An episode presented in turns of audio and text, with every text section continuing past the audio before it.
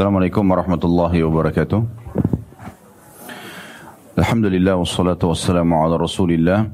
Segala puji dan puja kehadirat Allah subhanahu wa ta'ala juga salawat dan taslim kepada Nabi besar Muhammad sallallahu alaihi wa ala alihi wa sahbihi wasallam. Uh, ahlan wa sahlan, selamat datang semua keluarga besar bahasa lama tentunya. Uh, saya sangat senang dengan adanya pengajian keluarga begini karena biasanya malah yang hadir di pengajian bukan keluarga. Ya. Kebanyakan mayoritas yang hadir malah orang-orang lain padahal sebenarnya yang di skala prioritas kan harusnya memang keluarga. Jadi pada saat kemarin Ibu Sabriyah hubungi saya uh, ada pengajian insya Allah kita akan adakan ya mudah-mudahan dengan kondisi dan keadaan walaupun kita di restoran cukup insya Allah mewakili karena sekaligus bisa makan dan minum dan selain pengajian kita silaturahim insya Allah. Baik tema ini insya Allah kita akan sampaikan pengajian judulnya mumpung masih ada kesempatan.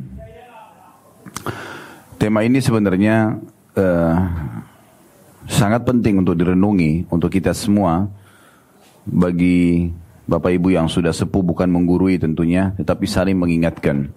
Karena memang dalam Al-Quran Allah subhanahu wa ta'ala mengingatkan fadzakir fa inna dzikra tanfa'ul mu'minin saling memberikan peringatan karena peringatan sangat bermanfaat bagi orang-orang beriman. Juga ada sabda Nabi sallallahu alaihi wasallam ad-dinun nasiha. Agama ini semuanya isinya nasihat, saling mengingatkan satu sama yang lain. Dan beberapa sahabat bahkan hampir mayoritasnya itu kalau bertemu mereka sering kali mengatakan satu sama yang lain ta'al nu'minu sa'ah. Ayo kita duduk sejenak untuk menambah keimanan kita. Bahkan para sahabat itu walaupun hanya sebelum berpisah saling mengingatkan surah Al-Asr saja, itu mereka lakukan. Dengan membaca, pas ketemu kemudian mereka ingin berpisah, ketemu di pinggir jalan, ya, ketemu di sebuah tempat, ada momen, maka mereka membacakan wal asr demi masa kalian hidup di dunia. Innal insana lafi khusr. Sesungguhnya semua manusia dalam keadaan rugi selama di dunia ini. Illalladzina amanu wa amilus salihat kecuali orang-orang yang beriman dan sibuk mengisi dengan amal-amal saleh. Wa tawasaw bil haqqi wa tawasaw bis sabr. Maka saling memberikan wasiatlah terhadap kebenaran ini dan juga saling memberikan wasiat agar bersabar melaluinya. Karena kehidupan dunia sebentar dalam kehidupan kita sehari-hari banyak sekali kesempatan yang Allah berikan agar kita beramal soleh, tapi terkadang terkadang ter, uh, digoda oleh syaitan, terlalaikan sehingga akhirnya masih banyak amal-amal soleh yang luput dari kita. Padahal sebenarnya setiap peluang amal soleh itu tidak akan pernah bisa terulang. Kalau misalnya contoh saja tadi ada orang yang tidak sholat subuh, contoh sebagai contoh saja. Kemudian dia ikut pengajian lalu dia baru sadar ternyata sholat subuh adalah sebuah kewajiban dan nanti Allah akan hisap hari kiamat. Maka di saat ini penyesalan dia tidak akan bermanfaat. Karena memang penyesalan terhadap amal soleh yang sengaja ditinggal. Beda orang telat sholat subuh karena ketiduran. Sehingga dia bisa mengerjakan pada saat dia bangun atau dia lupa boleh dia kerjakan pada saat dia ingat, tapi kalau orang sengaja meninggalkan sholat dan sudah keluar waktunya, dia nggak boleh kerjakan lagi. Maka akan tercatat di buku amalnya tidak sholat subuh sampai hari kiamat. Dia nggak mungkin bisa perbaiki. Oleh karena itu kita harus betul-betul jeli masing-masing untuk mengisi setiap lembaran buku amal kita setiap harinya dengan amal-amal soleh. Karena nanti akan ada penyesalan. Dalam sebuah hadis diriwayatkan Tabarani, Nabi SAW bersabda, ahli surga pun pada saat mereka masuk ke dalam surga, itu ada di antara mereka yang menyesali waktu-waktu mereka selama di dunia yang luput dari amal soleh. Padahal mereka sudah masuk surga, tapi mereka masih menyesal. Kenapa dulu masih ada sholat tidak dikerjakan di awal waktu? Padahal sebenarnya awal waktu lebih afdol daripada waktu yang kedua, waktu yang ketiga, sampai menjelang sholat yang setelahnya misalnya maka dia akan menyesal itu atau ada kesempatan untuk puasa sunnah misalnya Senin Kamis selain Ramadan tapi dia luput mungkin ada kesempatan membaca Al-Quran tapi luput dari dia mungkin zikir pagi petang, tapi luput dari dia. Mungkin silaturahim keluarga, mungkin sedekah dari kerabat yang minta bantuan atau orang-orang susah yang minta bantuan tapi ditolak. Maka semua ini akan mendatangkan penyesalan-penyesalan. Kenapa dulu saya tidak lakukan? Ya. Nanti coba kita tadaburi ayat-ayat Al-Quran supaya kita tahu langsung pesan dari Allah Subhanahu Wa Taala berhubungan dengan tema kita. Mumpung masih ada kesempatan. Saya mengajak Bapak Ibu untuk buka kalau ada aplikasi Al-Qurannya ya di eh, HP masing-masing mungkin supaya lebih mudah. Surah Al-Mu'minun. Surah nomor 23 dalam Al-Quran. Ayat 99.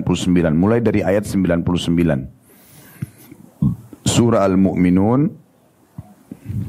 surah nomor 23 mulai ayat 99.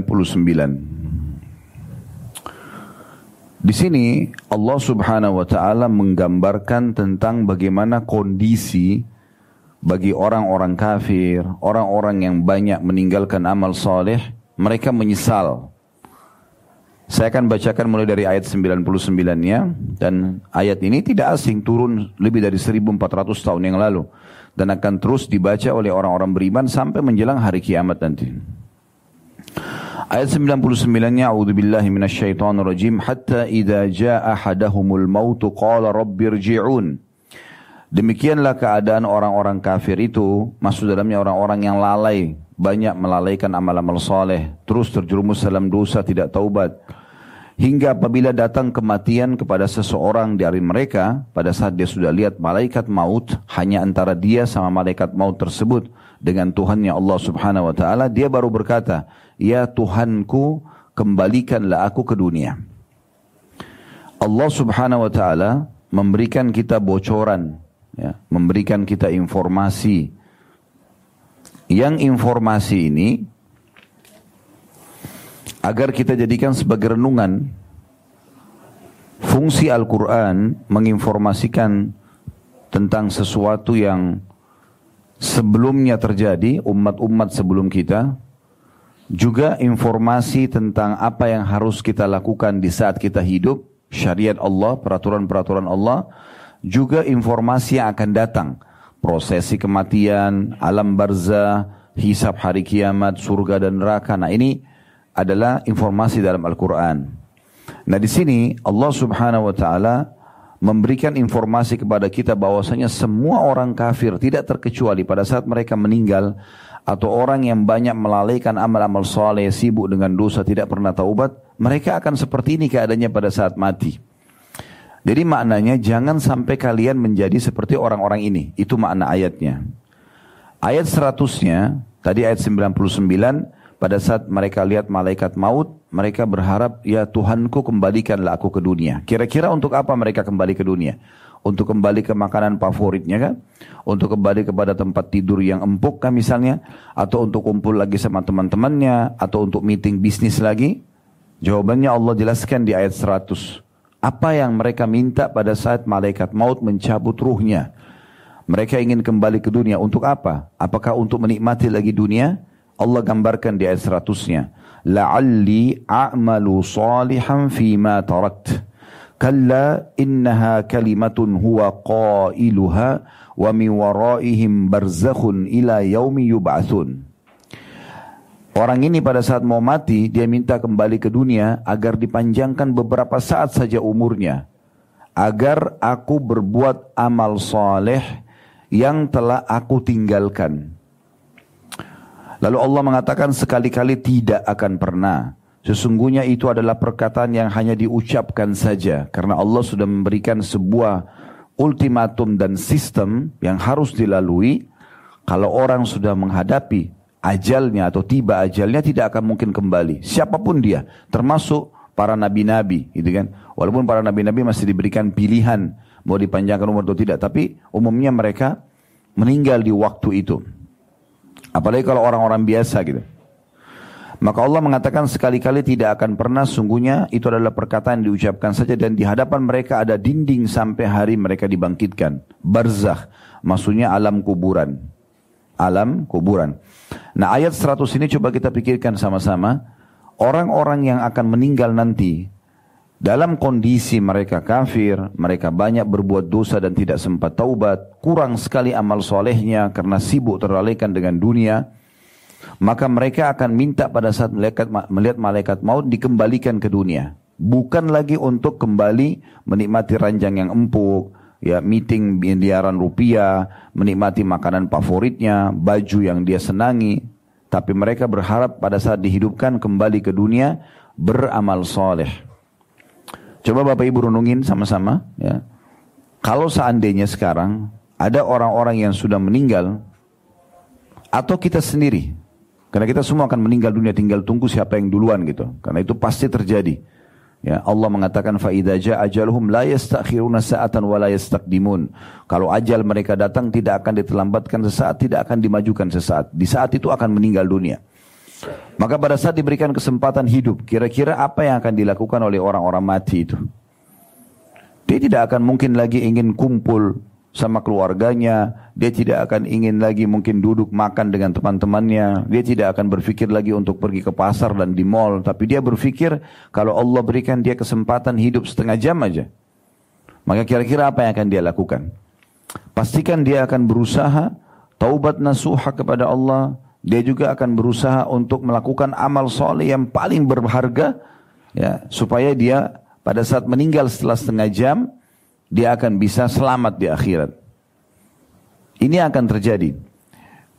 Pernah Nabi Muhammad SAW, eh, Bapak Ibu sekalian melewati satu kuburan. Kemudian beliau bilang dengan sahabat-sahabatnya dari orang Ansar, dari penduduk Madinah, demi zat yang jiwaku dalam genggamai masjid demi Allah, sesungguhnya pemilik kuburan ini, ya ditunjuklah kuburan yang sedang beliau lewat itu, lebih mencintai dua rakaat sholat sunnah kalian dibandingkan dengan dunia dan seluruh isinya.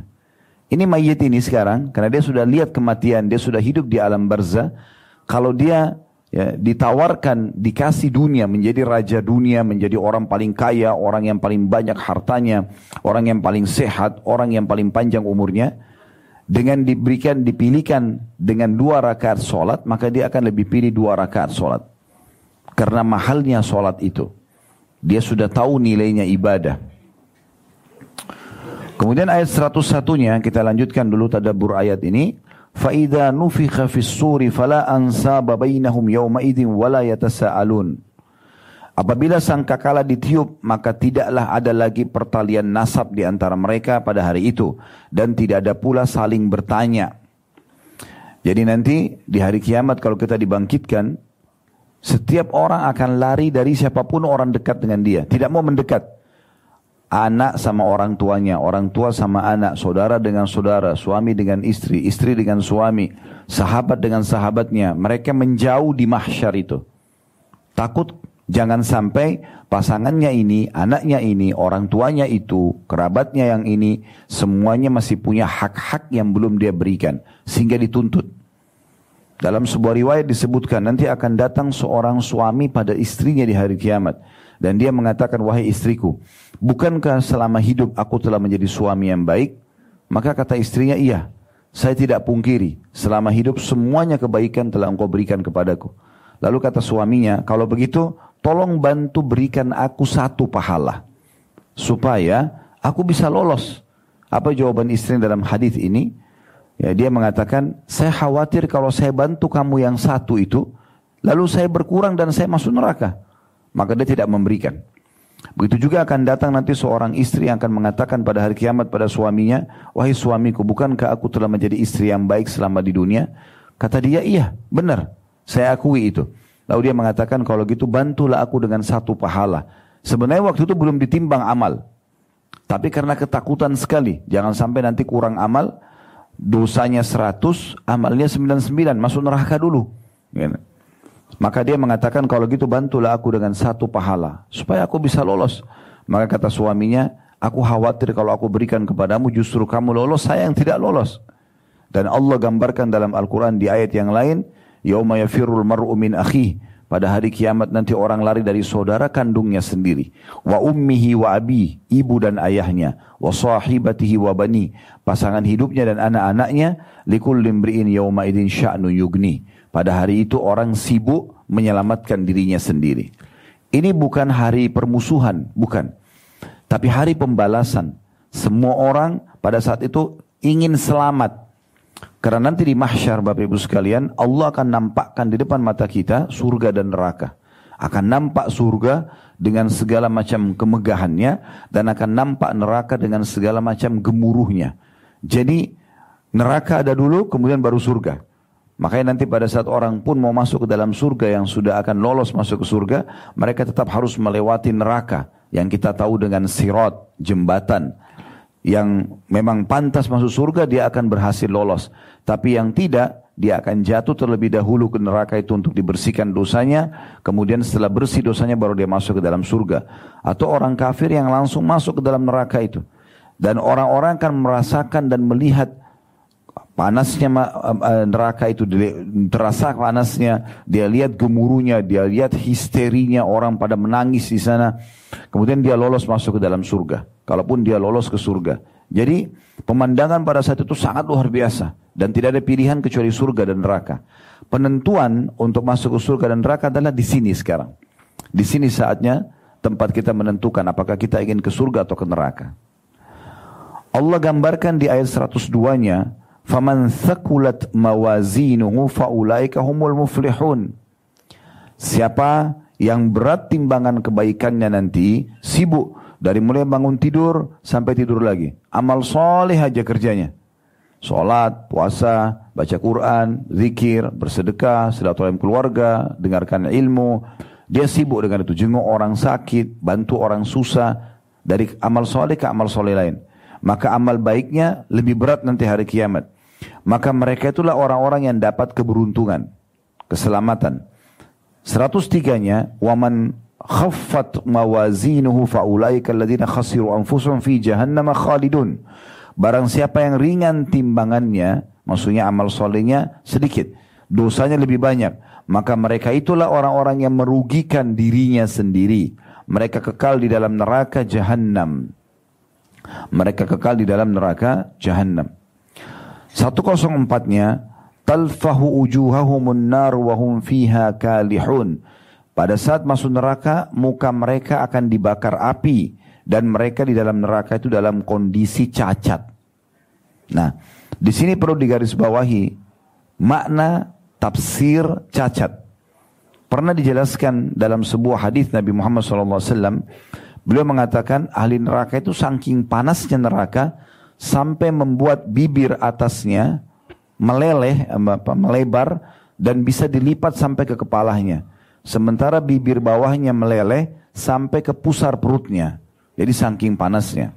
Juga makna lain adalah mereka nanti pada hari kiamat akan memanggil-manggil Malik. Malik ini penjaga neraka, malaikat bernama Malik. Mereka manggil-manggil dan juga malaikat Zabaniyah istilah bagi para penjaga neraka agar memohon diringankan siksa. Namun para malaikat tidak menjawab mereka. Setelah sekian lama tidak dijawab, maka para malaikat ya tetap mengatakan kalian tidak akan mungkin bisa selamat dari api ini. Lalu mereka memanggil Allah, mohon kepada Allah. Allah tidak menjawab mereka kata Nabi Muhammad SAW seumur bumi, seumur dunia, maaf, seumur dunia. Berapa miliar umurnya dunia ini, seumur itu Allah tidak jawab. Dan setiap saat mereka disiksa terus. Yang dipukul, yang dipanggang, yang disetrika, yang segala macam dengan siksaan yang menyedihkan. Hanya karena selama di dunia sibuk dengan dosa-dosa tidak taubat, melalaikan amal-amal soleh yang diperintahkan. Setelah itu pun Allah jawab setelah seumur dunia, kata Nabi Muhammad SAW, Allah mengatakan, Ikhsa'u fiha wa la tukallimun. Tinggallah di dalamnya dalam kondisi terhina dan jangan mengajak atau jangan berbicara denganku. Ya. Nah pada saat itu kata Nabi Muhammad SAW, ahli neraka setelah mendengar dari Allah, ini adalah harapan mereka yang terakhir. Allah memaafkan mereka. Allah mengatakan, Ikhsa'u fiha. Ya, tinggallah di dalamnya dalam kondisi terhina. Wala tukallimun, jangan pernah kalian mengajak bicara aku. Maka di saat itu mereka akan mengeluarkan dari tempat air mata mereka darah mereka akan mengeluarkan dari tempat air mata mereka, dari mata mereka darah. Nah karena mereka tidak sudah kehabisan air mata sampai akhirnya yang keluar adalah darah. Lalu di ayat 105-nya Allah Subhanahu wa taala menyampaikan lagi jadi pada saat itu terjadi penjelasan kenapa mereka ya tidak dikeluarkan dari api neraka dan kenapa mereka cacat. Bunyinya ayat 105, alam takun ayati tutla alaikum fakuntum biha tukadzibun. Bukankah ayat-ayatku telah dibacakan kepadamu sekalian tapi kamu mendustakannya?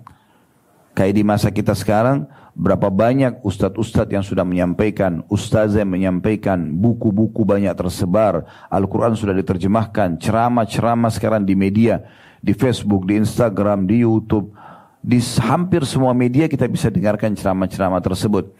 Berarti sudah sampai ayat-ayat Allah. Tinggal orang-orang mau mengambil yang mana. Subhanallah, Allah itu Bapak Ibu sekalian tidak pernah paksa kita ibadah. Tidak pernah juga menyuruh kita untuk kafir. Allah mengatakan faman syaa falyu'min wa man syaa falyakfur. Siapa yang mau beriman silahkan, siapa yang mau kafir silahkan. Beriman jelas arahnya, hidupnya bahagia, juga dia akan masuk ke dalam surga nanti.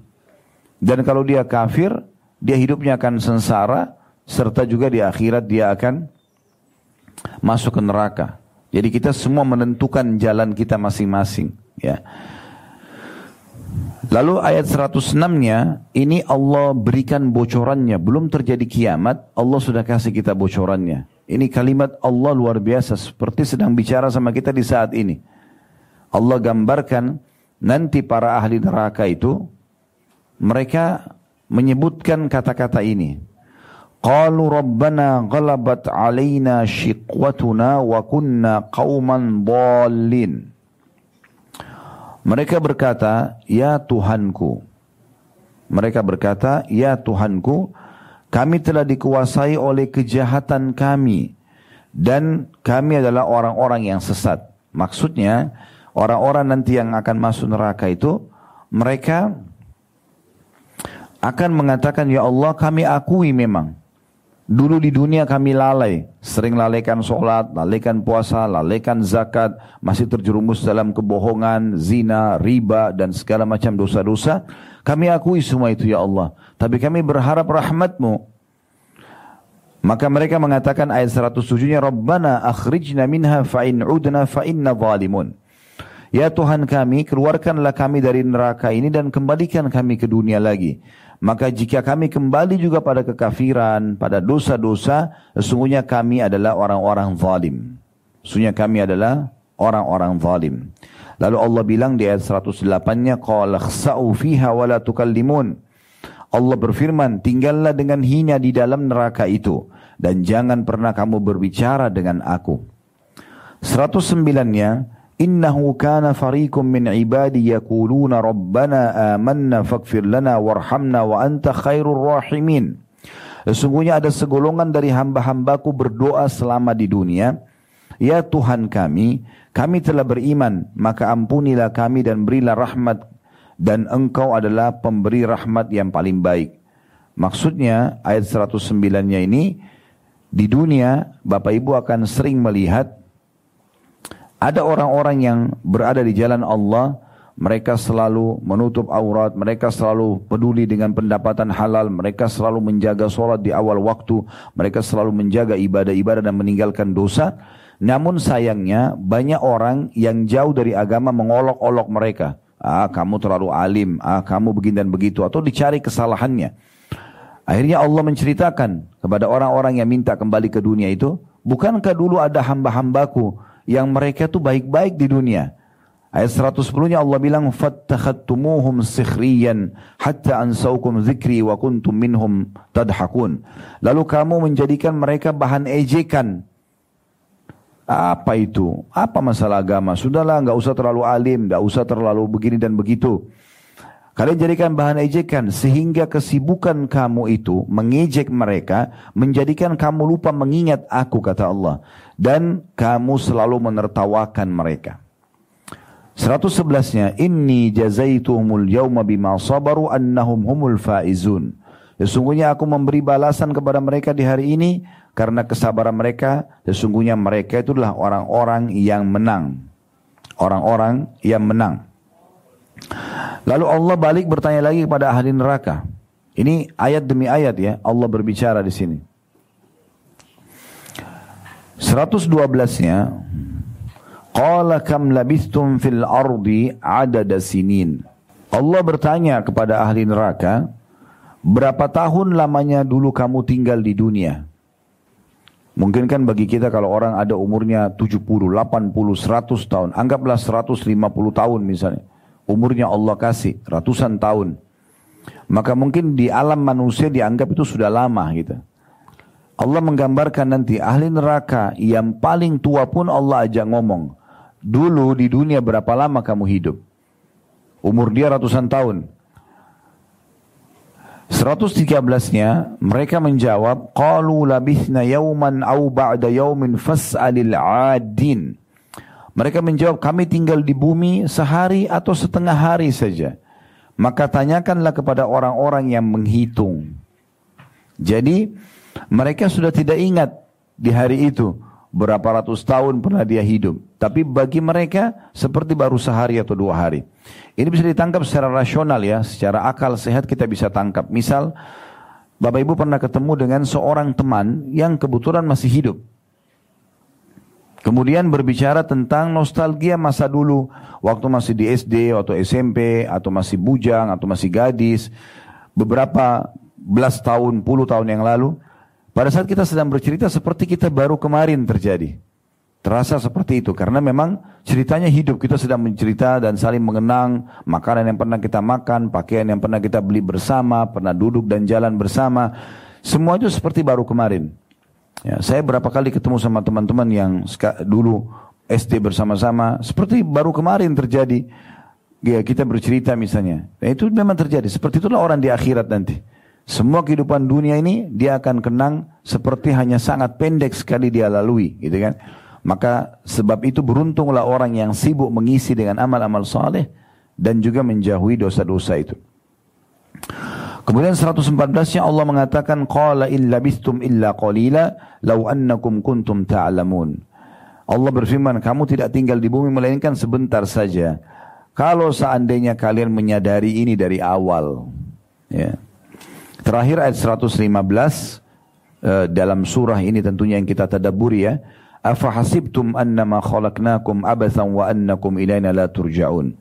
Lalu Allah mengatakan apakah kamu mengira kami ciptakan kalian sia-sia lahir dari rahim ibu kemudian mulai ada orang tua yang mengurus kita sampai akhirnya orang tua meninggal kita pun tumbuh besar kita juga melalui kehidupan apakah kalian mengira semua itu aku ciptakan sia-sia dan kalian tidak akan dikembalikan kepadaku kata Allah jadi sebagaimana kita lahir di muka bumi ini, kita pun akan dikembalikan kepada Allah subhanahu wa ta'ala. Dan ini poin yang harus kita garis bawahi. Tentu tidak asing bagi Bapak Ibu ya, tujuan utama kita hidup di muka bumi ini, kalau ada yang bertanya pada dirinya sendiri, untuk apa saya ada di sini? Kenapa saya ya ada di muka bumi ini? Kenapa semua ini fasilitas udara, api, air, musim-musim, pergantian siang malam, semuanya ini kenapa ada gitu. Maka untuk apa saya ada di sini?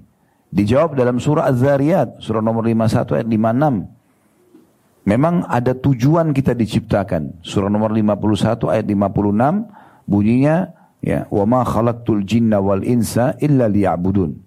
Aku tidak ciptakan jin dan manusia memang kecuali untuk beribadah kepadaku. Itu tujuannya.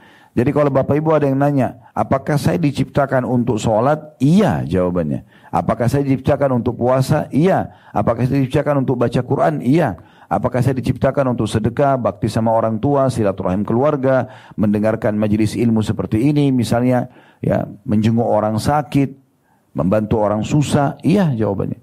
Dan kita tidak diciptakan untuk zina, untuk riba, untuk mencuri, untuk gosip, untuk fitnah. Enggak diciptakan untuk itu. Jadi kalau kita memahami tujuan utama kita diciptakan, maka kita akan tahu arah kita. Cuma satu saja arahnya.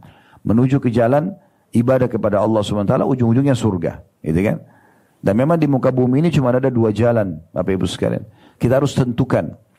Jalan yang pertama jalan benar, jalan yang kedua jalan salah. Tidak ada jalan ketiga, cuma dua ini. Jalan yang benar adalah jalannya Allah. Yang selalu kita imani, Tuhan kita Allah. Ini jalan, ya. Jalan ini ujungnya surga. Juru bicaranya Allah yang menyampaikan apa yang Allah inginkan para nabi-nabi dan rasul.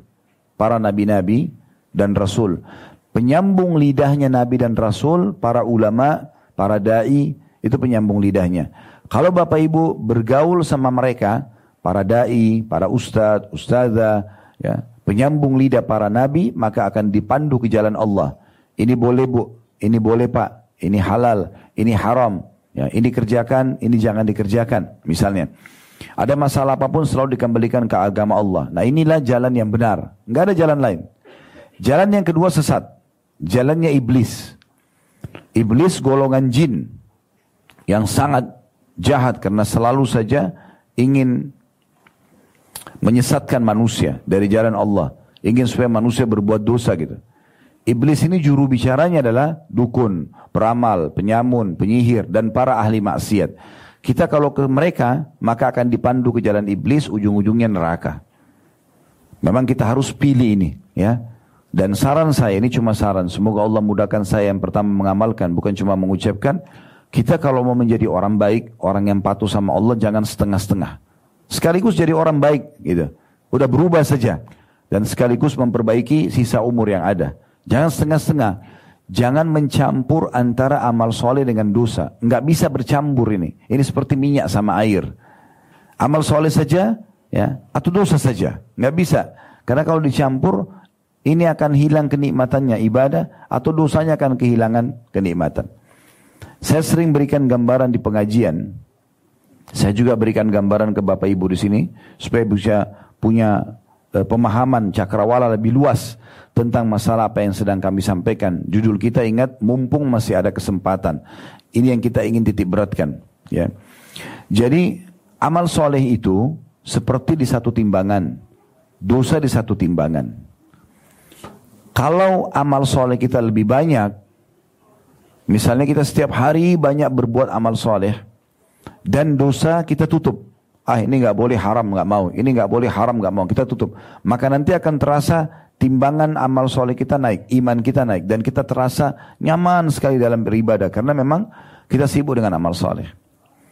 Kalau terbalik, dosa yang banyak kita kerjakan dan amal soleh kita tidak kerjakan maka akan terasa jauh sekali dari Allah. Banyak sekali cobaan-cobaan yang datang. Tidak ada ketenangan jiwa. Selalu saja berkeluh kesah. Karena begitu. Atau ada orang yang mengimbangkan keduanya. Dia beribadah tapi dia buat dosa. Ini ada permasalahan di sini. Kalau dia sholat iya tapi dia masih gosipin orang. Dia sholat iya tapi dia masih riba. Ya, ini masih ada masalah ini. Masalahnya apa? Dia tidak akan pernah bisa menikmati ibadahnya. Biar dia berusaha baca dengan tenang dalam sholatnya, dia berusaha pakai baju sebersih apa pun di tempat yang senyaman apa pun tidak bisa khusyuk. Kenapa? Karena masih ada dosa yang dia buka. Nggak bisa gitu. Ini akan jadi penghalang. Jadi kita akan terganggu oleh karena itu tidak bisa kita berbuat dua-duanya berjalan bersama tidak bisa. Harus pilih salah satunya. Amal soleh sepenuhnya tinggalkan tutup ini dosa atau sekalian jadi dosa saja. Gak usah beramal soleh. Baru kita bisa nikmatin itu. Saya kasih contoh. Kalau seandainya ada orang sudah komitmen, azan sholat. Dia komitmen, ini kita bicara secara substansial. Kalau dia komitmen so azan sholat, maka dan dia mengejar keutamaan sholat itu kan amal sholat tadi. Saya bilang di timbangan amal. Dia kejar amal sholat itu. Maka dia akan nikmati sholat itu. Dia akan merasa sekali khusyuk karena dia selalu mengejar keutamaannya dan tentu kenikmatan lawannya, yaitu meninggalkan sholat akan hilang. Nanti orang yang sering sholat akan merasa, orang itu kenapa nggak sholat ya? Karena dia sudah merasakan nikmatnya sholat itu. Maka dia merasa aneh dengan orang yang tinggalkan sholat. Nah di sini kenikmatan ibadahnya lebih naik. Karena dia tinggalkan yang yang lawannya gitu. Sebaliknya kalau ada orang tidak sholat. Dan dia menikmati itu azan, hayya ala salah, hayya ala falah, ayo salat, ayo menuju kepada kemenangan, dianggap angin lalu. Nggak dipedulikan sama dia. Maka dia menikmati itu. Kenikmatan lawannya yaitu sholat hilang. Mungkin dia akan selalu bilang, itu orang nggak capek sholat terus sehari lima kali. Misal contoh. Nah seperti itu. Contoh yang lain, seorang wanita muslimah menjaga menutup auratnya dengan baik. Dan dia nikmati itu. Dia merasa ini perintah Allah, dia selalu tutup auratnya misalnya. Dia jaga kehormatannya. Orang ini, dia akan merasa kenikmatan ibadah ini ada. Dan kenikmatan lawannya, buka aurat akan hilang. Dia akan berkata kepada orang yang tidak tutup aurat, sayang ya kenapa nggak tutup aurat? Karena dia sudah nikmati ibadah ini. Lawannya akan hilang, yaitu ya membenci atau membuka aurat. Sebaliknya kalau dia nikmati membuka aurat tanpa ada beban, dia tidak merasa berdosa, kenikmatan tutup aurat akan hilang. Maka dia akan bilang orang itu nggak panas apa pakai jilbab dan seterusnya. Karena ini seperti itulah. Oleh karena itu kita harus menentukan, kita harus menentukan jalan kita. Ingat, umur kita sangat terbatas. Umur kita sangat terbatas. Sudah banyak orang-orang tua kita yang mendahului kita sudah wafat semuanya. Banyak, miliaran manusia sebelum kita sudah meninggal. Kita pun akan menyusul. Akan diganti oleh generasi anak dan cucu kita, mereka juga akan sama. Sama persis. Melalui proses yang sama, kemudian nanti akhirnya mereka juga akan meninggal, datang generasi lagi, begitu seterusnya. Beruntunglah orang yang meninggal, karena banyak bekerja mengerjakan amal soleh. Nah itu yang penting, ya itu yang penting. Pernah ditanyakan kepada seorang ulama salaf tentang masalah bagaimana e, ditanya umur kamu berapa? Jadi seseorang ulama bertanya kepada jemaahnya umur kamu berapa? Dia bilang umur saya 70 tahun. 60 atau 70 tahun. Kemudian kata si alim ini Seingat saya kalau tidak salah namanya Said bin Musayyib rahimahullah. Beliau mengatakan kalau begitu sebentar lagi ya kamu akan kembali ke Tuhanmu. Maka orang yang sedang diingatkan itu mengatakan, lalu apa yang saya harus kerjakan? Kata dia, taubatlah kepada Tuhanmu. Dia bilang, baik saya akan bertobat. Tapi apakah itu akan mencukupi buat saya? Maka kata beliau, taubatlah kepada Allah kemudian isi sisa umurmu dengan amal-amal soleh, maka yang lalu-lalu akan dimaafkan oleh Allah. Maka kau akan selamat. Walaupun ada banyak waktu-waktu yang lama tersisa tidak dikerjakan amal soleh, terluputkan tapi karena taubat nasuha dan sisa umur berapa hari pun diperbaikin beramal soleh maka yang lalu-lalu Allah akan maafkan. Tapi kalau sisa umur ini tetap juga kau gunakan dalam kesalahan dan kemaksiatan, maka Allah akan menghisap kamu dengan yang apa kamu kerjakan sekarang, berikut diikutkan dengan semua dosa-dosa masa lalu. Maka itu akan memberatkan. Kita coba renungi ayat yang lain. Coba dilihat surah Al-Munafikun. Ya. Kita buka surah Al-Munafikun. Ini surah nomor 63 ya. Ayat 9-nya, Ya ayyuhalladzina amanu, la tulhikum amwalukum wala auladukum an dzikrillah. Wa may yaf'al dzalika faulaika humul khasirun. Hai orang-orang beriman, janganlah hartamu dan anak-anakmu melalaikan kamu dari mengingat Allah. Barang siapa yang berbuat demikian, maka itu adalah orang-orang yang merugi. Maksudnya, karena sibuk mengejar harta dunia, dia lupa sholat, dia lupa ibadah-ibadah, bahkan tidak mau tahu apakah ini sumbernya halal atau haram. Intinya yang penting dapat pendapatan, gitu kan? Atau anak-anaknya karena dia sibuk, ya, dengan rasa cinta yang berlebihan pada anak, dia tidak arahkan ke agama, walaupun anaknya buat salah dibenarkan aja, sehingga akhirnya melalaikan dia dari zikrullah, ya.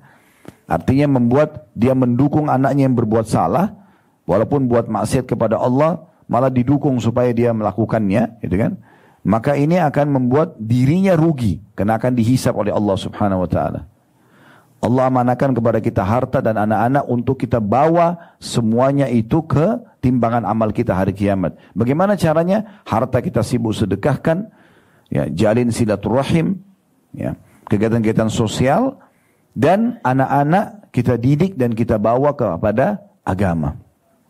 Ya. Ada sedikit yang saya ingin berbagi dalam masalah ini. Nabi SAW dan para sahabat di dalam masalah harta, mereka tidak pernah berpikir masalah tabungan. Ini mungkin persepsi yang mesti direnungi sama-sama dan coba diterapkan gitu ya. selama ini ada dua sistem yang menyebar banyak. Maksudnya ini yang mayoritasnya ya. Tapi yang satu ini adalah agama, sistem syariat Islam, yang satu kapitalis dalam mengelola harta dan bagaimana itu ber, berkecamuk di pikiran setiap orang. Ya, Islam mengajarkan harta itu disedekahkan, dibawa ke akhirat supaya memberatkan timbangan amal hari kiamat. Dan ini yang benar. Kapitalis mengatakan tabunglah supaya kamu kaya. Nah ini berbeda. Kalau kita ikuti pemikiran kapitalis, nabung aja kerjanya bangga dan senang melihat angka rekeningnya selalu bertambah, maka pastikan dia tidak akan sedekah. Sementara dan dia menganggap dirinya akan kaya dengan itu, dengan menabung. Atau kita pakai cara Islam, sibuk bersedekah dengan harta kita dan dengan itu Allah akan tambah harta itu. Dengan itu Allah akan tambah harta itu. Saya kasih contoh misalnya, uh, Talha bin Ubaidillah radhiyallahu anhu kalau Bapak Ibu pernah dengar nama ini Alhamdulillah. Kalau belum pernah dengar, ada 10 orang sahabat Nabi yang dijamin masuk surga. Salah satunya Talha bin Ubaidillah. Beliau orang kayanya sahabat. Orang ini pernah kedatangan harta banyak sekali dari hasil perdagangannya. Lalu dia gelisah. Istrinya bernama Su'da radhiyallahu anha mengatakan menceritakan dalam riwayat saya satu waktu, satu waktu pernah masuk ke dalam kamar dan menemukan suami saya gelisah. Raut wajahnya terlihat seperti ada kesedihan. Maka saya mengatakan kepadanya, ada apa wahai suamiku? Apakah ada satu perbuatanku atau uh, interaksi denganku yang keliru? Maka dia mengatakan, tidak ada kamu sebaik-baik istri seorang muslim. Maksudnya kamu selama menjadi istri sangat baik, patuh kepada Allah, melayani suami dengan baik, kamu sebaik-baik istri seorang muslim. Tetapi saya gelisah melihat harta ini. Harta ini banyak sekali numpuk gitu. Datang sebagai keuntungan dagang gitu. Maka dia istrinya ini menceritakan karena iman sudah memenuhi hatinya dia bukan bilang kalau gitu berikan saya perhiasan sibuk ini dan itu dia mengatakan Kenapa harus jadi beban pikiran? Panggil kaummu, panggil kerabatmu, kemudian bagikan kepada mereka. Maka kemudian Talha pun senyum dengan lebar mendengarkan saran dari istrinya. Mereka berdua suami istri sibuk membungkus-bungkus hal tersebut dan membagikannya semalam suntuk. Habis harta itu. Dan ada kepuasan diri pada saat dia mengeluarkan. Ternyata subhanallah rahasianya Para sahabat termasuk Talha bin Ubaidillah, Abu Bakar Siddiq, Uthman bin Affan, Abdurrahman bin Auf, Sa'ad bin Ubadah dan banyak sahabat-sahabat yang terkenal kaya raya. Mereka pada saat meninggal itu gudang hartanya penuh dengan emas-emas dan dibagikan kepada istri mereka dan anak mereka itu sampai mereka bisa hidup tujuh turunan. Apakah harta mereka yang melimpah di gudang itu karena hasil tabungan seperti orang kapitalis? Jawabannya bukan Bapak Ibu sekalian. Mereka menggunakan cara agama Islam, yaitu setiap hari dihabiskan sedekah. Dia tidak mereka tidak pernah numpuk. Jadi karena sedekah hartanya itu besok datang lagi Allah gantikan lebih banyak. Disedekah lagi besok, lusa datang lagi lebih banyak. Jadi pada saat mereka meninggal, gudang-gudang harta mereka penuh, itu bukan tabungan selama masa hidup. Tapi hasil sedekah yang tiap hari dia selalu keluarkan yang Allah gantikan langsung. Jadi sangat beda antara ya persepsi orang-orang muslim yang mengikuti syariat Allah dengan ya orang-orang kapitalis. Beda sekali ya. Abdurrahman bin Auf radhiyallahu anhu diceritakan pernah beliau kedatangan satu peti emas keuntungan. Lalu dia gelisah dia bagikan kepada fakir miskin. Besoknya datang keuntungan dua peti emas. Dia sedekahkan lagi Hari ketiga datang tiga peti emas. Setiap kali dia mensedekahkan, makin besar jalan Allah, makin besar datang keuntungannya. Nah ini perbedaan antara pola fikir dan persepsi orang-orang muslim pada saat menjalankan syariat Allah dengan orang-orang kapitalis. Yang kita sayangkan pemikiran kita sosoknya muslim tapi banyak terpengaruh dengan pikiran kapitalis. Umumnya kalau kita memiliki harta untuk sedekah, ada 50 ribu dengan 100 ribu, kita masih berikan yang 50 ribu. 100 ribu sayang, kita berpikir untuk menabungnya, gitu kan. Padahal sebenarnya, harta yang sedang kita keluarkan di jalan Allah itu, itu justru yang kita sedang bawa ketimbangan amal kita. Seorang salafus soleh dulu, orang-orang soleh di zaman dulu dari tabi'in, mereka pernah ada yang mengumpulkan bingkisan-bingkisan hadiah, kemudian dia bagikan kepada orang-orang. Setelah orang-orang pergi, dia bilang begini, coba lihat sambil senyum lebar, coba lihat orang-orang yang membawa hadiah-hadiah dari saya itu. Mereka sedang membawa ya harta saya ketimbangan amal saya hari kiamat tanpa diupah sedikit pun. Secara kasat mata Bapak Ibu sekalian, orang miskin atau orang yang kita berikan hadiah sedang membawa harta kita dan dia menikmatinya secara kasat mata. Tapi sebenarnya bukan seperti itu. Nilai harta yang kita kasih ke dia sejuta, dua juta, sepuluh juta, baju, makanan, apa saja, itu sebenarnya dia nikmati di dunia tapi itu sedang dibawa ketimbangan amal kita yang akan kita terima dan panen pahalanya hari kiamat. Nah ini persepsi yang harus kita ubah. Jadi sekali lagi para sahabat mereka di dunia kehidupannya terpenuhi, selalu terpenuhi, tidak pernah habis hartanya dan pada saat meninggal meninggalkan warisan banyak bukan karena menabungnya, tapi karena rutinitas mereka bersedekah. Makin banyak dikeluarkan jalan Allah, makin banyak rezekinya datang. Nah itu yang terjadi dan itu teori syariat yang sudah dipraktikkan oleh orang-orang sebelum kita. Sementara kapitalis berbeda. Mereka selalu menabung saja dan akhirnya begitu-begitu saja walaupun bertambah hartanya tapi sebenarnya dia tidak menikmatinya. Akhirnya pada saat dia meninggal hanya ahli waris saja, dia sendiri juga tidak menikmati. Nah ini persepsi yang harus diperbaiki. Kenapa saya bicara tentang sedekah ini? Karena ayat yang sedang kita bahas berhubungan dengan masalah itu. Surah Al-Munafikun ini ya. Tadi kita sudah bacakan ayat sembilannya. Hai orang-orang beriman, jangan sampai hartamu dan anak-anakmu melalaikan kamu dari mengingat Allah. Maksudnya membuat kamu jadi jauh dari agama Allah. Karena barang siapa yang buat itu dia termasuk orang-orang rugi. Nah perhatikan di ayat 10 Allah bicara masalah infak ini. Masalah sedekah ini. Wa anfiku mimma razaqnakum min qabli an ya'tiya ahadakumul mautu fayaqula rabbi laula akhartani ila ajalin qarib Laula akhartani ila ajalin qaribin fa asaddaqa wa akum minas salihin. Dan belanjakanlah sebagian dari apa yang yang telah kami berikan kepadamu sebelum datang kematian kepada salah seorang dari kamu. Kemudian dia berkata pada saat dia sudah lihat malaikat maut, baru dia bilang, Ya Robku, mengapa engkau tidak menangguhkan kematianku? Untuk apa orang yang mau mati ini minta supaya diterlambatkan satu jam, dua jam umurnya? supaya jangan mati dulu. Apakah untuk kembali ke makanan favorit seperti tadi saya bilang atau untuk kumpul-kumpul lagi sama teman-temannya atau beli baju kesukaannya? Enggak. Di sini dikatakan, "Ya Robku, mengapa engkau tidak menangguhkan kematianku sampai waktu yang dekat yang menyebabkan aku dapat bersedekah dan aku termasuk orang-orang soleh." Jadi orang yang sudah mau mati itu berharap diterlambatkan beberapa saat umurnya supaya dia transfer semua uangnya untuk sedekah. Karena dia akan menyesal gitu. Lalu Allah mengatakan di ayat 11-nya, "Walan yuakhirallahu nafsan idza jaa ajaluha wallahu khabirum bima ta'malun." Tapi ketahuilah Allah sekali-kali tidak akan menangguhkan kematian seseorang apabila telah datang waktu kematiannya dan Allah Maha mengenal apa yang kamu kerjakan atau Allah Maha mengetahui apa yang kamu kerjakan. Saya tambahkan dalam poin ini, kalau pernah dengar nama ini Alhamdulillah. Kalau belum maka perlu diketahui. Namanya Sa'ad ibn Ubadah radhiyallahu anhu. Ini sahabat Nabi, mulia. Pimpinan orang-orang Ansar. Orang ini terkenal sangat kaya raya. Hampir setengah perkebunan kurma di Madinah itu milik beliau. orang yang luar biasa kekayaannya.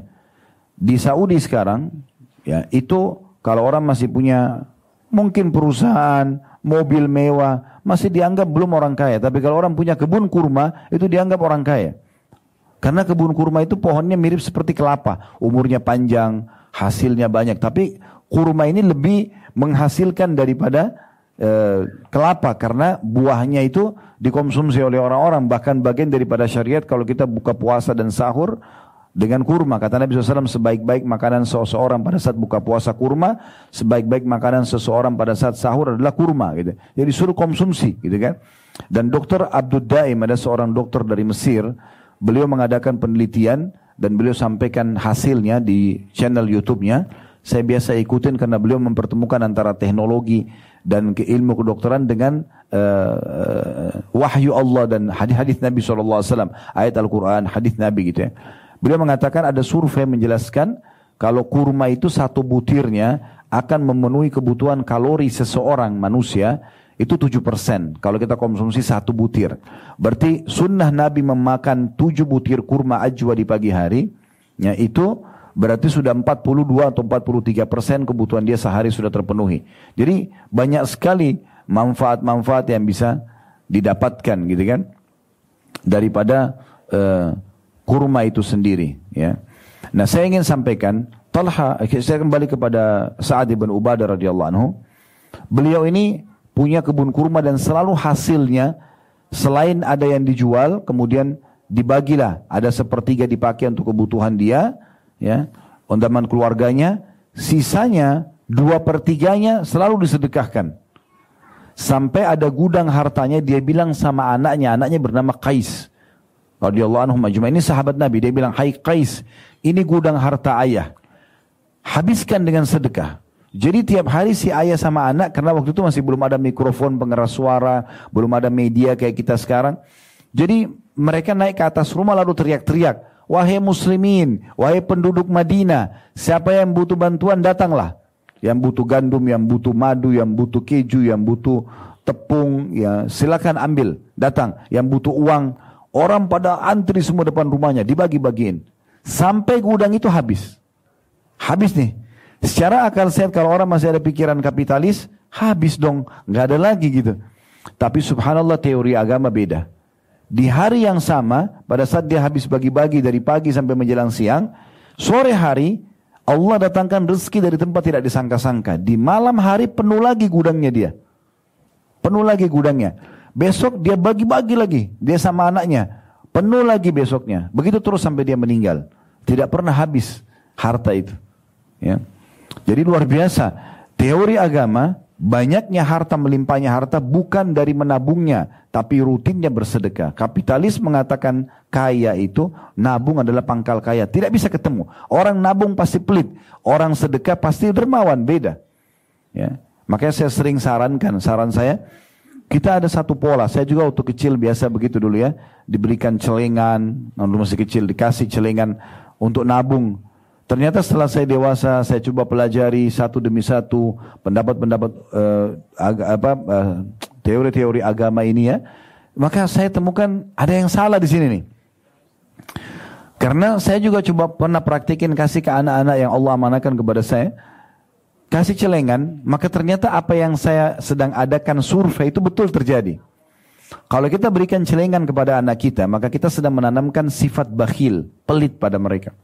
Sekarang kita punya anak dua, si A sama si B. Kasih celengan dua-duanya. Ini nak ya, kita kasih uang misalnya, anggaplah seribu seribu rupiah atau sepuluh ribu masing-masing kita kasih. Lalu mereka nabung. Di saat itu kita tidak sadar sedang menanamkan sifat bakhil pada mereka. Kenapa? Karena si kakak kalau menyentuh celengan adik, adik akan marah. Adik kalau sentuh celengan kakak akan marah. Ya. Sementara bukan ini ajaran Islam. Ajaran Islam adalah ini ya, ibu kasih atau ayah kasih kepada kakak, kakak berbagi sama adik. Adik dikasih berbagi sama kakak. Saling memberi. Kalau dengan ini terbalik, gitu kan? Bahkan bukan cuma itu. Kalau kita orang tuanya pun memegang celengan itu mungkin si anak akan marah dengan orang tuanya. Ini persepsi yang keliru ini. Islam sekali lagi mengajarkan kita sebelum menyesal, mumpung ada kesempatan, sebelum ajal datang, segera bersedekah karena salah satu yang disebutkan dalam surah Al-Munafikun penyesalan orang pada saat meninggal kenapa dia tidak bersedekah ya, kenapa dia tidak segera memberikan hartanya di jalan Allah Subhanahu wa taala. Nah, ini poin yang juga perlu kami sampaikan dalam masalah ini. Banyak orang yang lalai dari ibadah-ibadah yang sedang Allah perintahkan kepada dia semasa dia hidup dan dia tidak menyadari kalau ini perbuatan yang salah ya. Dan setiap saat Allah bisa datangkan hukuman kepada dia. Tapi yang banyak orang tidak sadar. Kita kembali lagi kepada ayat-ayat Al-Quran. Coba kita lihat dalam surah Al-A'raf. Surah nomor 7 dalam Al-Quran. Ayat 97 sampai ayat 102. Ya. Ini kembali kita tadaburi ayat-ayat Al-Quran. Sekali lagi. Surah Al-A'raf, surah nomor 7. Ayatnya 97. Saya akan bacakan. Sekali lagi Al-A'raf. Ayat surah nomor 7, ayat 97 mulainya ya. Sampai 102 nanti kita bacakan. Ayat 97 bunyinya begini. A'udzu billahi minasyaitonir rajim. Afa amina ahlul qura ay ya'tiyahum ba'suna bayatan wa hum naimun? Apakah penduduk negeri-negeri itu merasa aman dari kedatangan siksaan kami kepada mereka di malam hari di waktu mereka sedang tidur? Orang yang terus sibuk dengan diskotiknya, dengan barnya, dengan kelalaiannya, ya tidak ibadah kepada Allah di malam hari. Apakah mereka punya jaminan kalau mereka tidak ditimpa siksa Allah di malam hari pada saat mereka tidur? Di Indonesia kita bisa lihat banyak sekali ya kejadian longsor, tsunami, gempa. Ya ini yang Terakhir-terakhir terjadi kan banyak gempa ya. Dengan hitungan detik saja terjadi satu desa hancur ya. Banyak bangunan yang hancur, berapa banyak ratus jiwa yang wafat tiba-tiba. Ya mereka tadinya tidak sangka kalau itu akan terjadi pada mereka. Begitu mudahnya Allah datangkan siksaannya kalau orang justru tidak sibukkan diri dengan amal soleh. Dan bahaya sekali kalau mereka meninggal dalam keadaan berbuat dosa karena ini su'ul khatimah. Di ayat 98-nya Allah bilang, "Awa amina ahlul qura ay ya'tiyahum ba'suna duha wa hum yal'abun?" Ataukah atau apakah penduduk negeri-negeri itu merasa aman dari kedatangan siksaan kami kepada mereka di waktu matahari sepenggalan naik ketika mereka sedang bermain-main kayak di waktu duha kayak kita sekarang ya apakah orang-orang itu dapat jaminan mereka tidak disiksa sama Allah di waktu pagi kalau tadi malam ini waktu pagi Ayat 99-nya, afa aminu makrallah fala ya'manu makrallah illal qaumul khasirun. Apakah mereka merasa aman dari azab Allah yang tidak terduga-duga? Tiada yang merasa aman dari dan azab Allah dari azab Allah kecuali orang-orang yang merugi. Ya, berapa banyak orang yang seperti itu ya, dia merasa aman dengan dosa-dosa yang dia buat, tidak perlu dia bertaubat, lalai aja terus. Ada orang yang ingatkan, kadang-kadang pasangannya, kadang-kadang anaknya, kadang-kadang temannya. Bahkan kadang-kadang teguran Allah datang langsung. Allah uji dia dengan penyakit, Allah uji dia dengan gangguan orang. Supaya dia kembali kepada Tuhannya. Tapi subhanallah tidak menyadarkan. Sayang sekali. Ayat seratusnya, Allah subhanahu wa ta'ala mengatakan awalam yahdi lilladina yarithuna al-arda min ba'di ahliha allau nasha'u asabnahum bidhunubihim wa natba'u ala qulubihim fahum la yasma'un. Apakah belum jelas?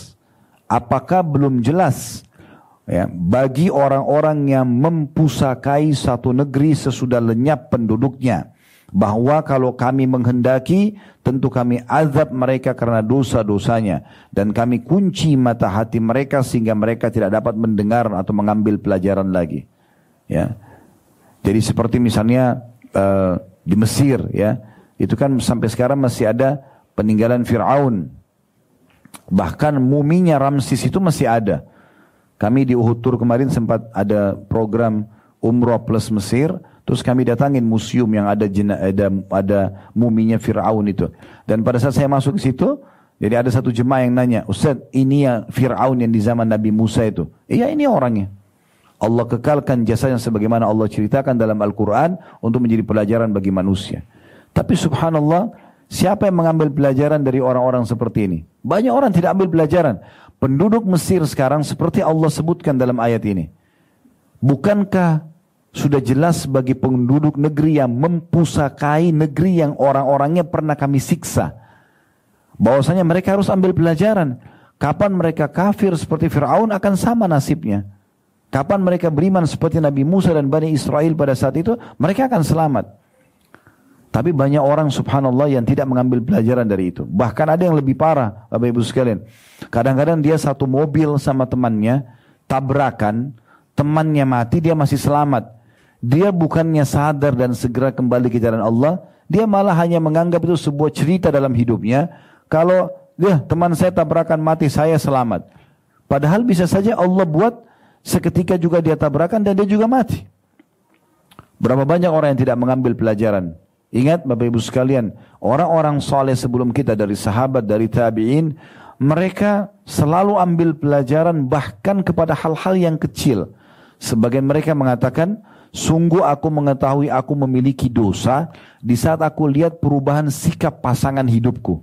Istri atau suami berubah sikap. Berarti ada dosanya. Mereka beristighfar. Atau tungganganku. Kalau dia mau naik kuda, kudanya tiba-tiba berontak. Atau kita sekarang mau naik kendaraan, terganggu misalnya. Atau tikus yang masuk ke dalam rumahku. Tikus di rumah kita pasti ada. Biasanya begitu. Tapi mereka jadikan dengan adanya tikus. Karena tikus ini suka mengganggu dan merusak. Berarti ada dosa di rumah itu. Begitu pekahnya mereka jadikan sebagai bahan introspeksi diri mereka. Sebagian mereka Bapak Ibu sekalian kalau jalan kakinya kesentuh batu, Udah cukup membuat mereka memohon ampun dan istighfar kepada Allah. Takut kalau ini adalah dosa hukuman yang sedang Allah berikan peringatan kepada mereka. Ada di antara mereka yang lewat tercium bau busuk saja, kayak bau sampah misalnya. Udah cukup mereka ya menjadikan sebagai bahan introspeksi diri, segera bertobat dan kembali kepada Allah. Tapi banyak orang subhanallah tidak seperti itu.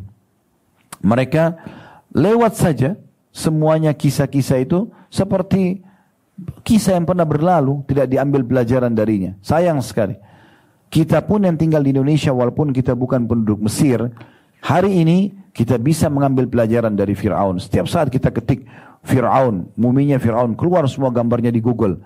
Kita seakan-akan bisa datang lihat di sana, melihat cuplikan-cuplikan video yang ada. Kita bisa lihat. Di Jordania ada laut mati, tempatnya kaum Nabi Lut Allah binasakan. Di Madain Saleh, Kurang lebih empat jam dari kota Madinah. Ada tempatnya Nabi Saleh yang Allah binasakan. Mereka memahat gunung-gunung dan dijadikan sebagai rumah-rumah mereka. Tidak lama lagi pemerintah Saudi akan buka untuk menjadi sebuah tempat wisata yang didatangi. Itu tempat yang masih nyata depan mata gitu. Nah orang-orang yang melihat ini dan mengambil pelajaran sangat bagus. Ya. Jadi kita harus peka sebenarnya ya. Allah subhanahu wa ta'ala mendatangkan tanda-tanda kebesarannya memang untuk menakutkan kita. Supaya kita takut kepadanya, takut kepada azab. Nanti akan kita jelaskan ayatnya. Baik kita lanjutkan dulu sampai 102 surah Al-A'raf. 101-nya tilkal qura naqussu 'alaika min ambaiha Walaqad ja'atuhum rusuluhum bil bayyinati fama kanu liyu'minu bima kadzabu min qabl kadzalika yatba'u Allahu ala qulubil kafirin. Negeri-negeri yang telah kami binasakan itu, kami ceritakan sebagian dari berita-beritanya kepadamu. Dan sungguh telah datang kepada mereka rasul-rasul mereka dengan, memba dengan membawa bukti-bukti yang nyata, mukjizat maka mereka juga tidak beriman kepada apa yang dahulunya mereka telah mendustakannya. Demikianlah Allah mengunci hati atau mata hati orang-orang kafir. 102-nya wa ma wajadna li aktsarihim min ahad wa in wajadna aktsaruhum lafasiqin. Dan kami tidak mendapati kebanyakan mereka memenuhi janji Sesungguhnya kami mendapati kebanyakan mereka adalah orang-orang fasik. Maksudnya orang-orang yang telah dinasehati. Oh iya iya terima kasih tapi nggak diamalkan. Mereka tidak tepati janji itu. Sebenarnya mereka sudah diberikan peringatan tapi mereka tidak mau ambil pelajaran. Coba kita lihat ayat yang lain. Mungkin Bapak Ibu sudah hafal ini ya surah Al-Mulk ya. Banyak yang sudah sering baca tabarakalladzi biyadil mulk ya. Nabi ada ayat 16 sama ayat 17-nya. Surah nomor 67 tentunya ya. Ayat 16 dan 17. Allah berfirman, A'udzu billahi minasyaitonir rajim. Aamintum man fis sama'i an yakhsifa bikumul arda fa idza hiya tamur? Apakah kamu merasa aman terhadap Allah atau dari Allah yang berkuasa di langit bahwa dia dia besar kata ganti Allah dia akan menjungkir balikan bumi bersama kamu sehingga dengan tiba-tiba bumi itu tergoncang maksudnya kenapa kamu terus lalai tidak mau ibadah berbuat dosa sementara jelas ada Allah di atas langit sana yang bisa setiap saat menjungkirkan kamu dengan bumi. Gempa, longsor, kamu mati selesai. Maka akan menyesal. Di ayat 17-nya, Am amintum man fis samai an yursila alaikum hasiba fasata'lamuna kaifa nadhir apakah kamu merasa aman terhadap Allah yang berkuasa di langit bahwa dia akan mengirimkan badai yang berbatu maka kelak kamu akan mengetahui bagaimana akibat mendustakan peringatanku itu jadi Allah sering datangkan peringatan-peringatan supaya kita ingat, sadar, gitu kan? Begitu juga Bapak Ibu sekalian bisa dilihat dalam surah Isra, surah nomor 17 ayat 59. Ya saya banyak menyebutkan ayat-ayat Al-Quran karena memang ini adalah rujukan nomor satu umat Islam. Kita harus kembali kepada Al-Quran. Hanya Al-Quran yang bisa berbicara dengan hati manusia karena ini wahyu dan dilengkapkan dengan hadis-hadis Nabi SAW. Perhatikan guntur, petir, bencana-bencana alam, fenomena alam, penyakit di dalam diri kita, eh, kegelisahan yang sering datang, gangguan orang lain, semua itu peringatan dari Allah supaya kita kembali kepadanya. Surah Isra, surah nomor 17 ayat 59 menyampaikan itu. Bunyinya, A'udzubillahi minasyaitonirrajim, wa ma nursilu bil ayati illa takhwifa dan kami tidak mengutus tanda-tanda ayat-ayat kami kecuali memang untuk menakut-nakuti. Memang supaya kita takut dan kita kembali kepada Tuhan kita Allah. Nah ini poin peringatannya. Juga dalam surah At-Taubah, surah nomor 9 ayat 126. Surah At-Taubah, surah nomor 9 ayat 126. Allah mengatakan awala yarawna annahum yuftanuna fi kulli mar fi kulli amin marratan aw marrataini thumma la yatubuna wa lahum yadhakkarun. Tidakkah mereka melihat bagaimana kami menguji mereka dari tahun ke tahun yang lainnya, setahun atau dua tahun. Tahun ini sakit, mungkin tahun depan sembuh, tapi kemudian Allah uji lagi dengan yang lain. Ujian-ujian yang datang ini itu untuk menjadi pelajaran kembali kepada Allah Subhanahu wa taala. Berarti ada sesuatu yang salah nih yang harus kita segera introspeksi diri kembali kepada Allah. Tidakkah mereka melihat bagaimana kami menguji mereka setahun ataupun dua tahun, ya? Tapi sayangnya mereka tidak gunakan sebagai ajang taubat dan juga sadar dan mengingat mengingati masalah itu. Nabi Muhammad SAW, Bapak Ibu sekalian, itu kalau melihat mendung, mendung ya, Ya kita biasa lihat mendung, itu beliau gelisah, mondar mandir. Sampai Aisyah mengatakan, Ya Rasulullah, ada apa? Ini mendung. Kata Nabi SAW, wahai Aisyah, apa jaminannya kalau di belakang awan mendung itu adalah siksa Allah? Saya tidak tahu. Mungkin rahmat kalau sudah turun hujan, Nabi lihat jelas hujan turun, baru beliau senyum. Karena gelisahnya. Jangan sampai siksaan Allah ini yang datang. Seperti itu. Pernah ada dua orang menemui Ummul Mukminin Aisyah radhiyallahu anha dan beliau berkata, "Wahai Ummul Mukminin, wahai ibunya orang-orang beriman, beritakan kepada kami tentang gempa." Nah, di zaman kita sering terjadi gempa. Ada informasinya nih. Aisyah menjawab, "Bila mereka telah menghalalkan zina, mengkonsumsi minuman keras, memainkan alat-alat musik, maka Allah di langit sana cemburu." Kemudian berfirman kepada bumi, goncangkan dirimu. Kemudian jika mereka bertaubat dan meninggalkan pelanggaran mereka, maka akan kembali aman. Jika tidak, maka Allah akan hancurkan dan binasakan bumi tempat mereka hidup dan mereka pun akan ikut binasa. Ya, jadi ini riwayat yang luar biasa gitu. Berapa kali kita selalu tahu gempa terjadi sampai kepada kita informasinya, gitu kan? Tetapi kita tidak peduli dengan masalah gempa itu. Padahal sebenarnya sudah ada berita sampai dari istri Nabi Muhammad SAW, ya, Aisyah radhiyallahu anha tentang masalah gempa. Beliau mengatakan pada saat dosa-dosa mulai disebarluaskan, dianggap biasa, ya. Maka pada saat itulah Allah Subhanahu wa taala berfirman kepada bumi goncangkan dirimu. Ya, sehingga akhirnya ya, memberikan peringatan, mungkin cuma berapa detik misalnya. Kalau mereka kembali kepada Allah, kembali aman. Tapi kalau mereka tetap berbuat dosa, maka Allah akan binasakan mereka bersama dengan bumi itu. Ini tulis oleh Ibnu Qayyim rahimahullah dalam kitab Ad-Da wa Dawa di halaman 46. Ya. Kemudian juga At-Tabarani menyebutkan dalam tafsirnya bahwa gempa pernah terjadi di Kufa. Kufa salah satu kota di Irak ya. Pada masa Abdullah bin Mas'ud radhiyallahu anhu, Maka beliau berkata, Abdullah bin Mas'ud bilang, gempa terjadi lalu beliau mengatakan, Wahai manusia, sesungguhnya Allah menginginkan kalian segera taubat dan kembali kepadanya. Maka segeralah kembali. Maksudnya kalau tidak ini akan membinasakan nih. Segera kembali. Semua fenomena ini akan menjadi peringatan buat kita. Ibnul Jauzi menyebutkan menukil bahwa Abdullah bin Zubair radhiyallahu anhu sahabat Nabi, dia dan ayahnya sahabat, Abdullah sahabat, Zubair juga sahabat. Abdullah bin Zubair setiap kali mendengar suara guntur, hampir di musim hujan kita dengar guntur gitu kan. Tapi kita mungkin biasa saja, tutup kuping atau kita tidak hiraukan.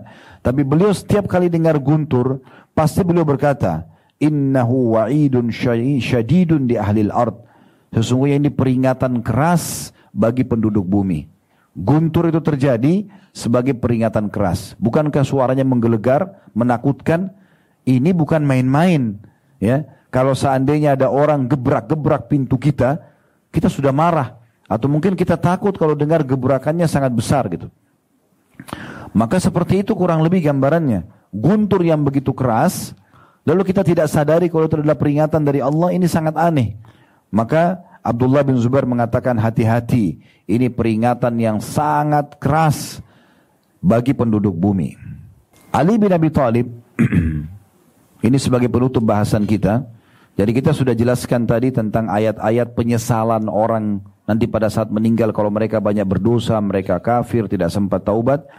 Kita juga sudah mengingat, menyampaikan tentang banyaknya peringatan-peringatan Allah yang harusnya kita jadikan sebagai pelajaran buat kita gempa bumi, longsor. Tadi saya bilang secara hal yang kecil pun misalnya di diri kita sendiri penyakit atau kita sedang jalan sama teman lalu tabrakan dia mati kita selamat. Ini semua peringatan dari Allah supaya kita kembali ke jalannya berarti dosa yang kita lakukan.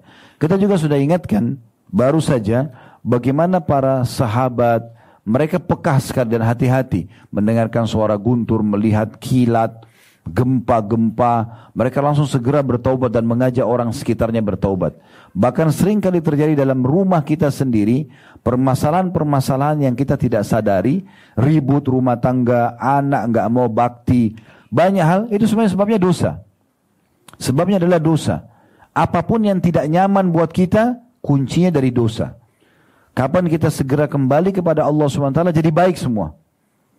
Tiba-tiba muamalah pasangan kita jadi baik, tiba-tiba anak kita mendapatkan hidayah, itu karena justru taubat kita dan kembali kepada Allah Subhanahu wa taala. Ini poin yang harus digarisbawahi. Makanya Ali radhiyallahu anhu berkata, yang aneh adalah yang aneh adalah orang binasa padahal keselamatan ada bersamanya. Dia sakit gak sembuh, uh, dia selalu dalam kondisi susah hidupnya, selalu bermasalah dengan pasangan hidup dan anak-anaknya Aneh dia binasa sementara ada solusi bersama dia. Maka orang-orang ya bisa kena gempa, banjir, penyakit kronis, kemiskinan, kesusahan hidup padahal keselamatan bersamanya. Maka orang-orang di sekitar Ali mengatakan, keselamatan apa yang Anda maksudkan? Bagaimana supaya penyakit kronis bisa sembuh? Bagaimana supaya orang yang utang bisa bayar? Bagaimana supaya pasangan hidup selalu baik, nggak marah-marah? Bagaimana supaya anak-anak menjadi anak-anak soleh dan soleh bakti? Apa keselamatan itu? Nggak diganggu sama orang. Anda kan tadi bilang ada masalah-masalah tapi ada keselamatan bersamanya. Apa keselamatan itu? Jawabannya sederhana. Istighfar. Perbanyak istighfar, maka semua jadi baik. Karena sumber permasalahan kita adalah dosa. Ya.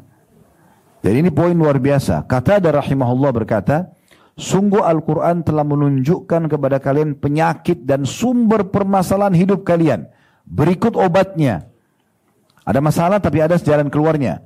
Penyakit kalian adalah dosa-dosa dan obatnya adalah istighfar. Kembali kepada Allah subhanahu wa ta'ala.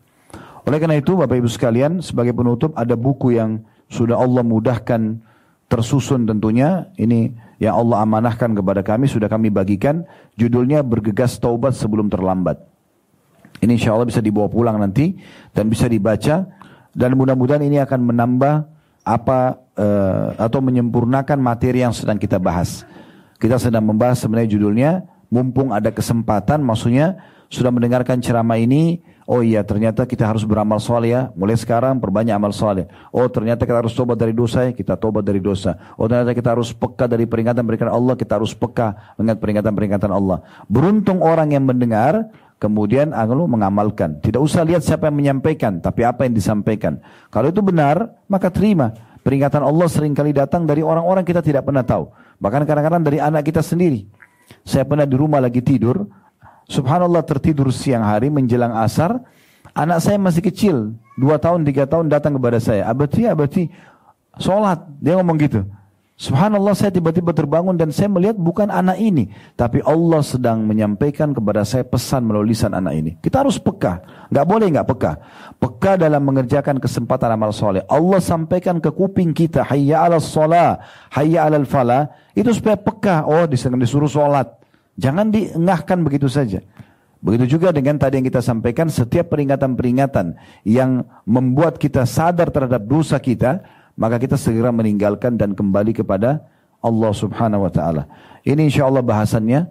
Kalau ada benar dari Allah, kalau ada salah dari saya mohon dimaafkan. Subhanakallah bihamdika. Asyhadu an la ilaha illa anta astaghfiruka wa atubu ilaik. Wassalamualaikum warahmatullahi wabarakatuh.